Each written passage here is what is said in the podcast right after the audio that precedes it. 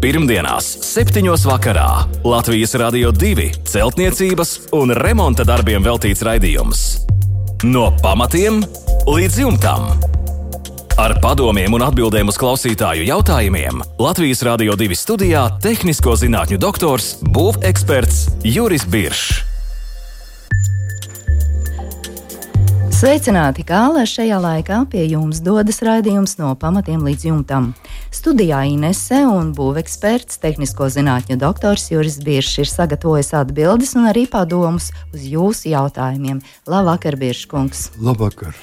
Šovakar mums ir ļoti interesants klausītāja vēstules. Un sāksim ar Anrī rakstīto. Andrijam ir guļbūve ar niedru jumtu, un jau kādu laiku mūsu namiņā ir ieviesušies diezgan neganti dzīvnieciņi, un tās ir ūdens. Kā viņas naktī virpuļo pa bēniņiem, nav iespējams to aprakstīt, īpaši ziemā. Un nestrādā arī neviens atbaidītājs. Salikām visos stūros, bet viņiem tā skaņa un starojums netraucē. Drīzāk gan patīkot. Samaksājām bargu naudu, bet jēgas nekādas. Šobrīd bērniņi ir tādā paskatā, kā redzams fotoattēlos. Andrijs ir pievienojis vairākus fotoattēlus, un tiešām nu, postaži ir iespaidīga. Un tā tad nevar piesildīt uh, ziemā otro stāvu ši, šo postījumu rezultātā. Ļoti liela siltuma zudumi. Un jautājums ir tāds, ko darīt, lai uzlabotu siltuma efektivitāti. Un ir doma nomainīt visas siltuma caurules, apsist apkārt ar smalku metālu sietu, žogu, lai ūdens nesaplēš un arī ielikt jaunu vati grīdas segumā, ar plāksnēm to apsist bet Andrijs nekādu nevar izdomāt, ko pie jumta varētu likt. Vai jums būtu bieži kungs kādi ieteikumi, labprāt viņu uzklausītu? Un vēl ir piezīme tāda, ka ir klusas aizdomas, ka tikt vaļā no šiem dzīvnieciņiem nevarēs. Viņi nāks un nāks, bet mēs varētu piekopt mierīgu līdzās pastāvēšanu. Skaļi kaimiņi! Jā. Postoši. nu, mazliet tā sakot, būvnieciskā ziņā diezgan mm, tā, smieklīgi, bet no nu, tā tas diemžēl ir. Nu, Andrijam smieklīgi nenāk. Viņam smieklīgi nenāk. Citu, runājot, es eh, arī pats esmu pārdzīvojis to un pārdzīvoju jebkuru ziemu. To tikai no man nav nekādas nepatikšanas. Man apciemo ziemā caunas, divas caunas nāk un, un par mājas un lien iekšā par jumta ventilācijas atverēm un, un, un mēģina kaut ko darīt, bet nu, pat cik bērniņa telpa ir ļoti niecīga, tad uh, viņi vairāk dzīvo pa to jumtu, jumtu ventilāciju. Tātad, tātad nav pietiekoši telpas, lai varētu ieplēsties. Nu, šeit, nu, redzu, šeit ir plašas šeit telpas, ir plašas jā, telpas. niedru jumts jā. noteikti patīk nu, dzīvnieciņiem. Nu, es saprotu, ka laicīgs apmeklējums, protams, nekas tas ir, tas ir pat varbūt kādreiz amizanti un patīkami, bet ja viņš tur sāk apbērnoties vai veidot midzeņus, tad eh, mums saprotam, ka tur nāk līdzi arī smaciņa tāda diezgan nepatīkama. Un, un, un vispār praktiski es saprotu, ka ir, ir nepatīkams. Ko varu ieteikt no savas puses? Es ieteiktu sekojošu tas, ko jūs esat nolēmuši darīt, visdaļēji ir pareizi, bet tas nebūs pietiekoši. Jūs dabūsiet atkal un atkal atgriezties pie šiem jautājumiem. Tātad pirmais, kas ir jāizdara, absolūti visu siltumizolāciju no bēniņiem noņemam nos no grīdas. No visu, grīdas, visu, grīdas. Atbrīvojam visu grīdu. Un visu grīdu, ieskaitot tātad, šīs sijas un mūrlatu, uh, Visu ieskaitot, mēs visu mm, apsitam ar šo mm, metāla sietu. Visu pa, pamatni tika. Mhm. Un pēc tam liekam iekšā siltumizolāciju. Un siltumizolācijai pa virsmu var likt, tā tikai var likt virsū. Virsū, teiksim, kādas loksnes, Nu, vēlams arī atstāt kaut kādas brīvas, bet pēc tam atkal sirds. Tātad, kas mums ir galvenais? Galvenais ir, lai jumta konstrukcija un siltumizolācija tiktu no abām pusēm norobežot ar sietu. Ja jūs tikai no augšas mm, jā, tā kā iepakojat. Jā, ne, viņš būs iekšā, viņš būs iekšā momentā. Viņi, jūs jau nezināt, ar kuriem viņi nāk vispār iekšā. Ja? Kad jūs noņemsiet visu siltumizolāciju, jūs redzēsiet visus ceļus, kas tur, kur viņi parādījušies. Un, un tad viņi tur dzīvo, tur jau tāda lieta. Viņi dzīvo tajā siltumizolācijā. Tur nekas labāks viņai priekš tā nevar būt. Nu, ja viņas ir mieras dzīvot arī bez siltumizolācijas, ja, netiekot iekšā, nu, tas var kaut kādā mērā jums varbūt pat, pat palīdzēt. Bet tikai šādā veidā. Tas ir numur viens. Otram kārtām es saprotu, ka jūs esat miermīlīgi cilvēki un negribat viņus ne indēt, ne šaut, ne esat uz to, lai būtu mierīgi kopā sadzīvošana. Nu, jums būtu, varbūt, ka jums ir kāds šķūnīts blakus kaut kāds. Nu, kur varat viņus radīt viņiem normālāku viesmāju. Jā, un šeit vienkārši visu, visu ar, ar drādu, nežēlīgi. Jums jā, tas nav nemaz tik briesmīgi, dārgi, bet tas ir daudz lētāk nekā jūs pašreiz domājat visu to darīt. Tātad, ja vairāk ir ruļļi, ir jābūt šīs diezgan smalkam tīklam, ja ūdeni jau ir ļoti maziņa. Ja, ir. Nu, vēl ir ko vēl varētu teikt. Nu, redziet, ūdenī arī savi ienaidnieki ir. Ja, tāpēc, teiksim, ja jūs varētu piesaistīt to pašu caunu, tā ūdeni. Negribētu nākt, nu, bet tas ir. Tur varbūt jāprasa ir, ir zināt, zinātājiem par dzīvniekiem vairāk. Manas zināšanas ar to beidzās. Tā kā es ieteiktu, lūk, šādā veidā.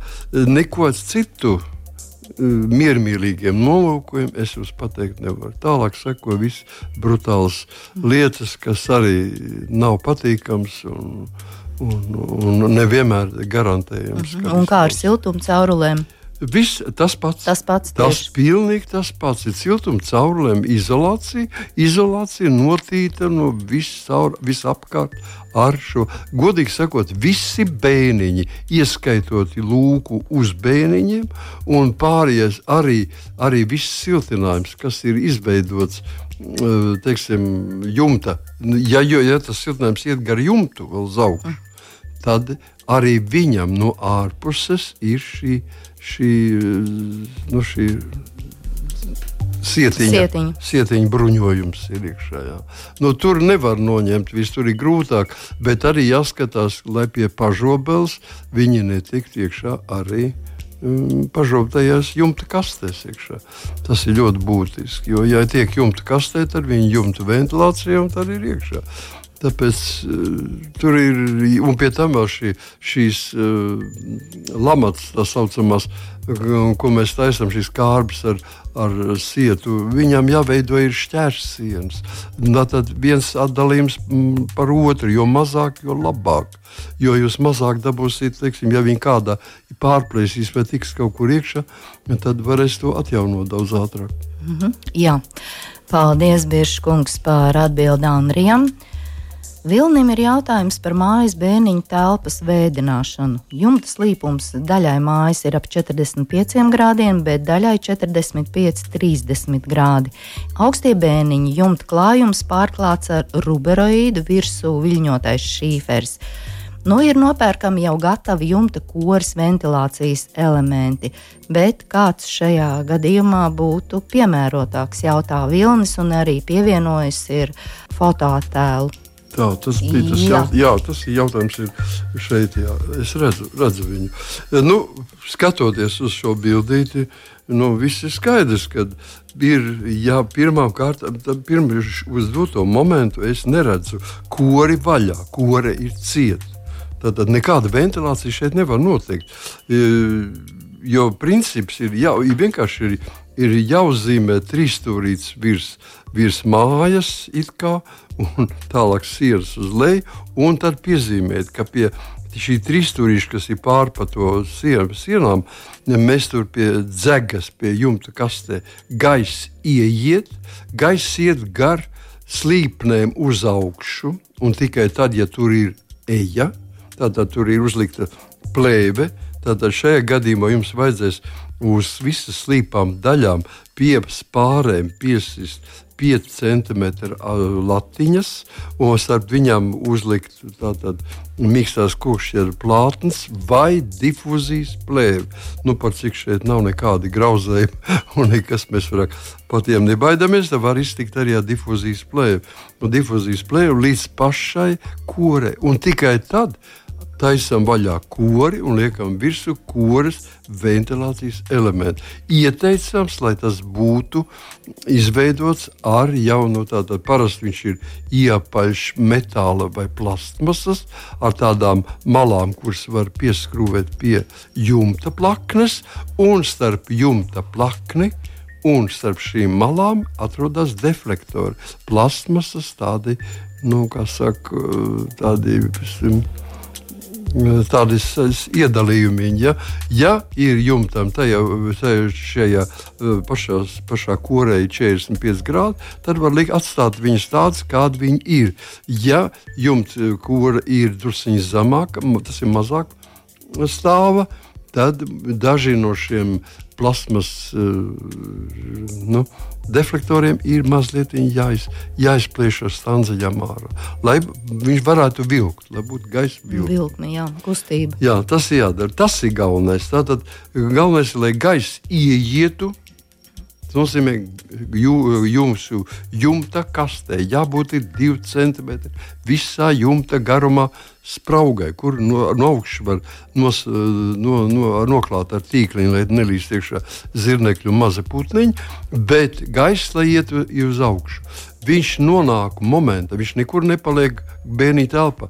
Viņš ieiet šajā spraugā starp plēvi, starp difūzijas plēvi ja, un jumta plakni.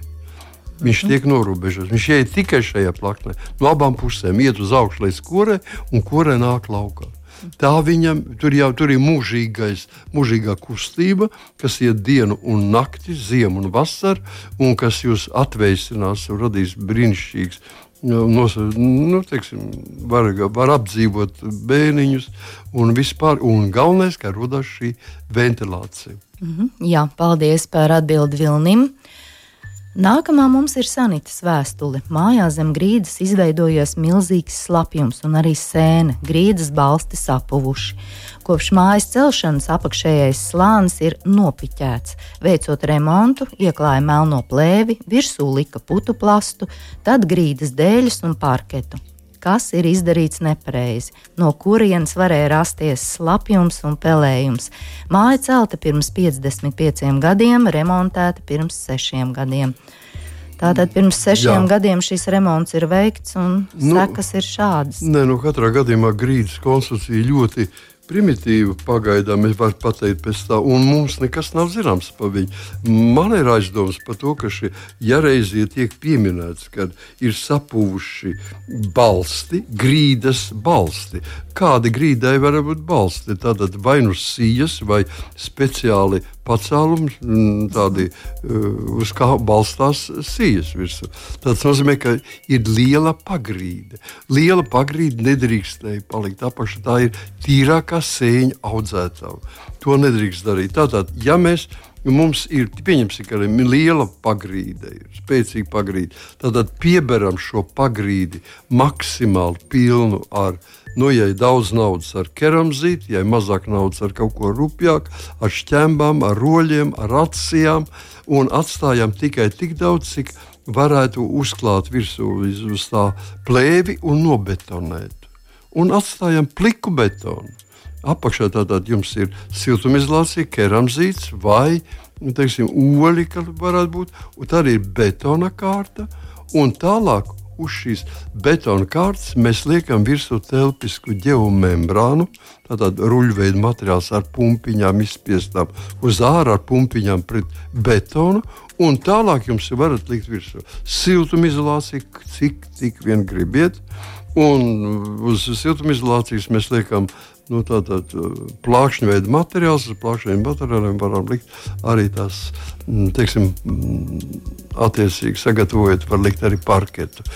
Tātad tu, no visiem šiem materiālu, materiālu kopas mums ir jāizpild, jādabūna nevis augstie, augstā pagrīde, ar tukšu, kur būtu mm -hmm. iekšā, bet būtu slēgta, siltā pagrīde. Tad viss būs kārtībā. Tad neradīsies vairāk nekādi. Jo no kurienes rodas uh, ūdens, tas milzīgais slapjums? Sēne, sēne tā ir raudošā sēne, kura no pagrīdes mitrā gaisa ņem ūdeni un ražo priekšā, lai viņai būtu nepārtrauktais mitrums. No gaisa viņa pārvērš ūdeni vienkārši pilienveidu ūdenī un pūdai visu, kas ir viņas barība, kok, koksne. Ja? Jā, viss skaidrs. Paldies par atbildi sanitai. No pamatiem līdz jumtam. Ar padomiem un atbildēm uz klausītāju jautājumiem Latvijas Rādio 2 studijā - tehnisko zinātņu doktors, būveksperts Juris Biršs. Esmu uzsācis būvēt dārza mājiņu, sienas siltinājums 150 mm. Raksta Ainārs. Vēlos apšūt vertikāli ar nevēlētiem skandināvu tipa dēļiem. Un tagad jautājums, kāds ir attālums no plēves līdz dēļiem un cik bieži jāliek horizontālās latas, pie kā stiprināt dēļus. Un vai plēvi var piesist ar 25 mm dēli, un vēl cik biezam jābūt horizontālajam dēlim? Jā, Tādi jautājumi, jautājumi ir daudz, jautājumu daudz, un īstenībā varētu teikt, ka ļoti, ļoti nu, dažādi var pieeja šiem jautājumiem. Šeit nav kaut kāds, varbūt nu, galvenais Galvenais paskaidrosim, pie kam pie, jāpievērš šai gadījumā galvenā uzmanība. Visspēcīgākā uzmanība jāpievērš tam, ka ja tā ir vate, un es saprotu zem vates, es saprotu siltumizolācijas vate, minerāla tātad nu, akmens vate. Te mēs varam minēt. Jā, jā, jā nu es tā saku, savādāk plēvi varētu nelikt. Bet, eh, ja mums ir akmens vate vai stikla vate, tad plēvē ir cieši. Tad plēve atrodas šajā gadījumā atrodas iekšpusē. Ja? Jo plēve, nu, ārpusē mēs neliktu plēvi. Mums ir, eh, es tās, es, redziet, tur jau var mēs jautājumu nezinām, iekšpus vai ārpus. Iekšā. Plēvi, tātad mēs zinām, ka tvaika izolācijas plēvi lieto tikai pie minerālām vatēm, tikai siltajā pusē. Mm -hmm. Augstajā pusē nelieto. Ja gadījumā tieši ir domāts apšūt no ārpuses ar šiem skandināvu tipa dēļiem, nu tad uh, plēvi vispār nedrīkstēja lietot. Tas ir no ārpuses, ja tā nedrīkst lietot. Ja, ja, viņa, ja viņu lieto, kā mēs sakām, plēvi, tas nozīmē tvaikizolācijas plēvi, un mēs viņu lietojam aiz vates, siltajā pusē. Tātad pirmkārt, vatei ir jāpieiet cieši, cieši plēvē.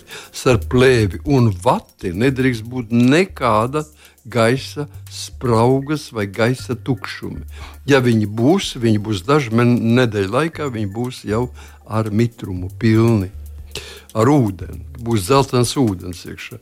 Tāpēc vate, plēve, uz iekšpusi rēķinot, aiz plēves mums nāk uh, apšuvas dēļ. Kādam jābūt attālumam? Minimālais attālums ir 5 mm. Kāpēc 5? Nu, tāpēc, ka vienkārši, lai, lai neveidotos, ja mēs izveidosim cieši klāt, teiksim, dēlis būs pie plēves klāt, tad no iekšpuses mitrums iziet cauri dēlim un uzsēžās pilienu veidā, slapjā veidā uz plēves. Plēvē tālāk viņš cauri neiet. Un šajā vietā parādās ideāla vieta priekšpelējuma. Tas nozīmē, ka būs savs, nejutīsiet pelējumu smaku, būs mitrs vai teiksim, lietus laiks. Jūs jutīsiet, ka istabā ir smārts, spēlējums smārts. Jā, un to tie 5 mm nodrošina minimāli. 5 mm nodrošina gaisa spraugu, šo, kurā nav jākustās gaisā, bet jābūt tikai gaisa spraugai. Un šī gaisa sprauga pietiek, lai neveidot, lai visi ūdeņi, kas iziet cauri no istabas, paliktu tvaikveidā, bet nevis izmestos uz plēves pilienu veidā, lai mm -hmm. nebūtu. Elementāri, un jums ir viss. Tas nozīmē, ka jums ir, nav nekādas nepatikšanas no, no pelējuma. Tas ir pirmais, kas mums ir ļoti, ļoti uzmanīgi jā, jāvērā. Tālāk, atbild uz jautājumu, cik uz horizontālām latām, teiksim, ja, cik es saprotu, tad uh, cik jāliek horizontāls lats, pie kurām vertikāls dēļas izklāt. Atceramies, ka būvniecība ir ļoti izdevīgs izmērs, sevišķi mūsdienās, kas ir pie samērojums ar moderniem materiāliem, un tas ir izmērs ir 60 cm. 60 cm mēs liekam starp spārēm, 60 cm mēs liekam, nu, izņemot rīģipšu plākšņu šūšanai, kur šis atoms ir mazāks. Tā kā es ieteiktu arī starp, starp horizontāliem dēļiem, pie kuriem šūs klāta vai nu ar skavām vai ar nagliņām šūs klāt. Vertikālos dēļus apmēram 60 cm. Mm -hmm. Tas nav centimetrs tur, centimetrs tur. Galvenais novilksim līniju un tad var droši. Smuki. To darīt. Jā, to darīt. Jā, paldies par atbildēju Aināram. Kārlis jautā, kāds būtu labākais risinājums spāru lejas daļas nostiprināšanai, trīs stūra noslēgšanai, lai izbēgtu no sienu izspiešanas. Ir doma izbūvēt mansardu, gāzbetona bloka ēka, 12 x 8 metri stiegrotā josla, jumts 45 grādi, mūrlata 200 x 200, spāres 75 x 200, solis 75 mm. Bendeļi 50 x 151,4 m attālumā no koris. Pārseguma sijas perpendikulāri spāru virzienam, tādēļ ar tām pilnvērtīgi sasaistīt nevar. Vai spāris var savilkt, nu, piemēram, ar trosi vai stiegrojuma stieņiem? Ja jā, tad eh, kāda diametra? Un vai savilkt vajag katru spāri vai vienu? Jo savilkšanai izmanto liela šķērsgriezuma zāģu materiālu. Pacelsies tad grīdas augstums, un tad būs jāpārbūvē visas durvju ailes, un tas nu nebūtu labi. Maksimālais zāģu materiāla augstums, ko varētu izmantot šajā gadījumā, ir 75 mm.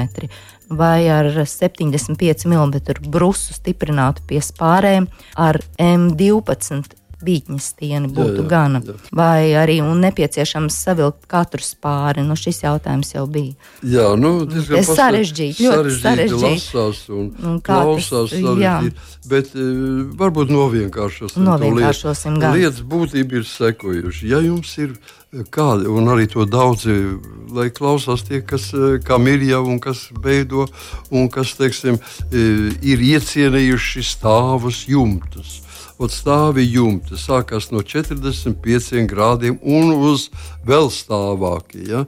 Vēl, jo stāvāks jumts, jo labāk ūdens no, no, no, pazūd no jumta, un jumta un sniegs nekrājās. Tas viss ir ļoti labi, bet tajā pašā reizē ir vislielākais spiediens tieši uz sienām. Ja? Jumta konstrukcija pie tam ir pamatīgi liela, viņa ir diezgan smaga un spiež, nežēlīgi spiež uz sienām. Tāpēc, kas mums ir jāskatās? Pirmkārt, mēs zinām, ka tā ir gāzbetona ēka, un viņai ir e, Tātad, cik es dzirdēju, ir stiegrotā josla. Jā. Tas ir ļoti labi. Tā ir nestības spriegumus izlīdzinoša dzelzbetona josla, kura vir iet pa augšējo daļu pēc pirmā stāva pirmais stāvs, teiksim, tur seši vai cik tur tie bloki.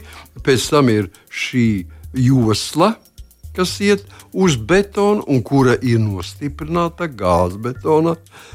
Tātad viņa veido mums uh, nu, teiksim, to, to saspringto. Nu, iz, izlīdzinā spriegumus.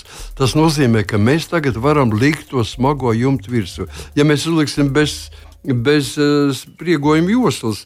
Tas nozīmē, ka mēs vienkārši saplēsīsim māju, jo gāzbetons nav konstruktīvs materiāls. Viņš neko netur.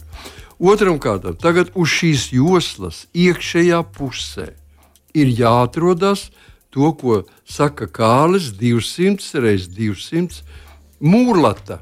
Mūrlata 200 x 200 ir ļoti pieklājīga mūrlata. Tas ir tāds baļķis, baļķēns, un viņš iet gar sienas iekšējo pusi. Nekādā gadījumā ne vidū, un ne gar ārpus. Gar iekšējo pusi tieši ar to nolūku, lai mēs nenošķeltu ārējo sienas daļu jo veidosies sprie, spriegumi, veidosies diagramma, kur var skaidri zīmēt, redzam, ka mēs varam nošķelt viņu no vēl jau, un tātad arī šī, arī šī mūrlata ir ar tapām, vai tapām piestiprināta pie šīs izlīdzinājuma joslas. Jā, nedodies, lai viņi neatrastos uz, uz bet viņi atrodas uz šīs izlīdzināšanas, uz šīs stiegrotās izlīdzinošās joslas, atrodas, un viņa ir līdz ar sienas iekšējo malu. Un tagad mūsu jumts balstās uz šīm uh, mūrlatām. Ja? Mūrlati nekustīga, mūrlati nu, ar savu pielaidi tapa ir pielaides iespēja, pakusēties dažus milimetrus pa labi, pa kreisi. Viņi var, bet ne vairāk. Un tālāk mums ir šis smagās jumta konstrukcija. Protams, ka ja jumts ir 45 grādi un vēl uh, smailā, tad vēl lielāki tie grādi ir tad mums ir jāpadomā papildus, vēl kā mēs varam. Parasti to tiešām tā arī dara. Tā kā Kārlis iesaka, vai nu savalk ar trosi, vai ar stiegrojumu stieņiem, vai vienkārši savalk ar koku, ar koku, ar ko liekot koku teiksim, koka blankas liekot abās pusēs. Spārē, mēs velkam pāri Un, un es saprotu, tur uh, grīdi ir cilvēki dzīvos, jo tā ir milzīgi augsta jumta. Tādu brīvu atstāt, bērnīs tāds neatstās, tur dzīvos. Tāpēc ir tie 75 mm pateikt. Bet šajā gadījumā es ieteiktu nevis koku, bet gan izmantot noteikti stroses. Ja, tas visvienkāršāk var stiprināt, viņas var visvienkāršāk arī izveidot, kā lai viņas savilktu, viņas var kontrolēt, viņas var savilkt vairāk vai atlaist mazāk, bet obligāti viņas ir. Tas ir jā, un, un grīdas konstrukcijā vajadzēs atrast vietas, lūciņas, kur var attaisīt vaļā un savilkt, ja tā ir palikuši par vaļīgu, teiksim, un parādās kaut kāds pazīmes. Kāda diametra troses arī jautā Kārlis? Nu, diametra nebūtu tik galvenais, lai viņš, nu, es nezinu, šeit eh, ir jābūt, jāskatās mazliet tā, nu, negribētu uz Ķīnas pro, produkciju, gribētu tādu vismaz ar, kas, kas kārtīgu pasi dod līdzi, viņi varētu būt sākot no 6 mm 6 mm mēs liekam dubultā viņu, vai un uz augšu. Ja? Es nezinu, kāds tas solis pašais no galvas. Uh mhm. -huh. Neatceros. Nu, Ne vairāk par 10 mm. Tas, ir, tas jau ir drusku par daudz. Jā. Tā jau trose. Jau un savilkt katru spāri vai caur vienu ne. arī jautājums. Parasti normālās mājās, kurās grib garantēt, lai būtu tikai trīs pie zelmiņiem, Tātad pašos galos tikai savalkam kopā un kaut kur pie pa vidu savalk kopā. Šajā gadījumā, ja ir aizdoms, tad var ik pēc diviem vai pēc pat trījiem. Ja, ja viņas būs kārtīgi savilktas, tad tas eh, starpas uh, turēsies. Un arī jāskatās, cik augstu drīkst tos savus saišķus, tos, tos kā viņi te sauc par. par bendeļiem. Ja? Nu, tā tad jāskatās, cik augsts var atstāt, jo viņi būs zemāki, jo viņi būs labāki. Skaidrs, paldies par atbildi. Un, un tajā pašā reizē arī, arī teiksim, nebūtu slikti, ka būtu, būtu mājā šķērsiena, nesoša šķērsiena, un šī šķērsienē arī atrastos šī izlīdzinošā josla. Ja? Tā kā viņi jau iepriekš visu to mājas kārbu savēl kopā un tad liek virsmu. Jā, paldies! Skaidrīte vēlas atjaunot no laukakmeņiem mūrētu simtgadīgu saimniecības ēkas sienu. Iepriekšējais saimnieks ir mēģinājis kaut ko labot un aizsmērēt izdrupušās vietas. Kādi būtu jūsu ieteikumi, Virškungs, laukakmeņa sienas atjaunošanai? Jā, nu, cik es saprotu, fototēls gan nav pievienots. Jā, nu, tas nekas, mēs, cik es saprotu, ar vienkārši neturēsies, un tā ir taisnība. Ja jūs vienkārši piesmērīsiet izdrupušās vietas vai pamēģināsiet ar vienkārši, vienkārši cementa vai nedodies vēl ar kaļķi jau mēģināt nostiprināt mūri, tas nekas jums neizdosies. Tas, tas ir veltīgi. Ja? Tāpēc, kas ir jādara?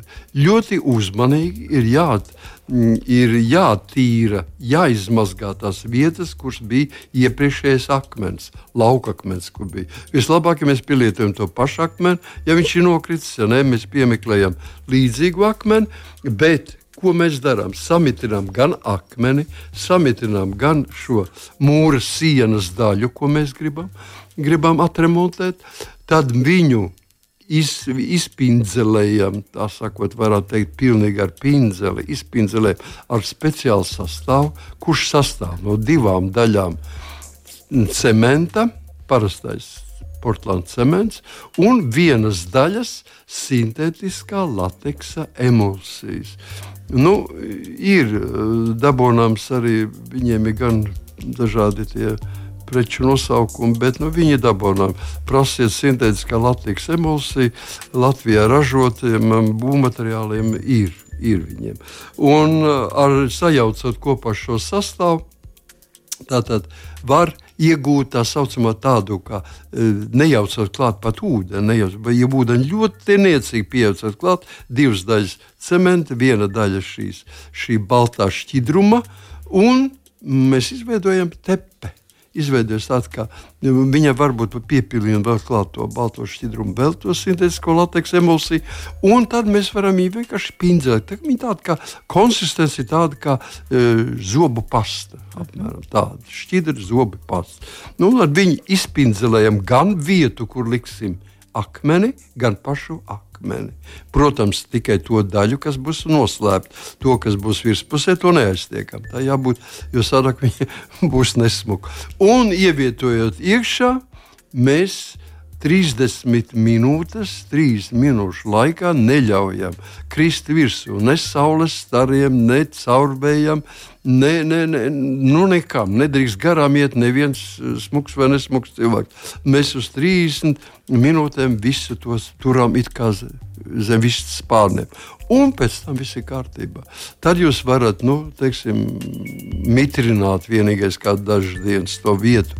Un vairāk neko šis savienojums turēs vairāk nekā vecais mūžs. Mm -hmm, jā. un šādā veidā jāapstrādā visas sienas, arī spraugas. Jā, skaidrs. Paldies par atbildi skaidrītai. Vēl mums ir e, jāpagūst atbildēt uz Māra iepriekšējā raidījumā iesūtīto jautājumu par balkona nesiltinātu skārda jumtu. Un, un bija paredzēts, ka balkona jumta koka segums cieši piegulēs mājas sienai. Un, um, Mārcis ir nosūtījis arī vairākus attēlus ar nesošajām konstrukcijām un fotogrāfijām un tomēr gluži nav sapratis, kā pareizi veidot ventilācijas atstarpi pie mājas sienas. Un ir iesūtīti divi varianti. Vai skārdu var likt tieši uz koka seguma, un spraugai jābūt starp visu jumta pīrāgu un mājas sienu, vai arī starp skārdu un jumta dēlīšiem ir jābūt gaisa atstarpēji. Jā, nu. Uh viss ir. Kurš kā, ir pareizais variants? Nu, pareizais, manā skatījumā, pareizais, un es domāju, vislielākais vairums cilvēku, protams, atzīst to, kur ir uz dēļu, dēļu klaja, ir vēl dots virsū latas garaniskas, un tad ir dot tikai latas šķērsām, un tad ir skārts. Ja? Tā kā Jo savādāk, kas mums izveidojas, savādāk mēs nevis ņemam jumta ventilācijai gaisu no ārpuses, bet mēs ņemam no sava, teiksim, nu, tais, no jumta, no telpas. Jā. No telpas gaisa nav jālaiž iekšā. Kāpēc? Vasarā varbūt tas nav, nav slikti, bet uh, ziemā tas ir liekas augstums, un tad jānodrošina, lai gaisa pienāktu. Šajā gadījumā mums ir jāpadomā tikai viens, lai šajā gaisa spraugā, kas kas atradīsies starp gareniski novietotām latām, gaiss iekļūtu iekšā. Tas ir galvenais. Mm -hmm. Jā, paldies par atbildi Mārim. Līdz ar to arī šovakar raidījums ir izskanējis. Vēl atgādināšu mūsu e-pastu remonts at lr2.lv. Sūtiet jautājumus, pievienojiet fotoattēlus. Varat iesūtīt arī jautājumus caur mūsu Latvijas radio divi mājaslapu un klausieties mūs un meklējiet populārākajās podkāstu straumēšanas vietnēs. Šovakar paldies Biržkungs par darbu, lai visiem mierīgs, jauks vakars un, protams, tiekamies pēc nedēļas. Visu labu! No pamatiem līdz jumtam!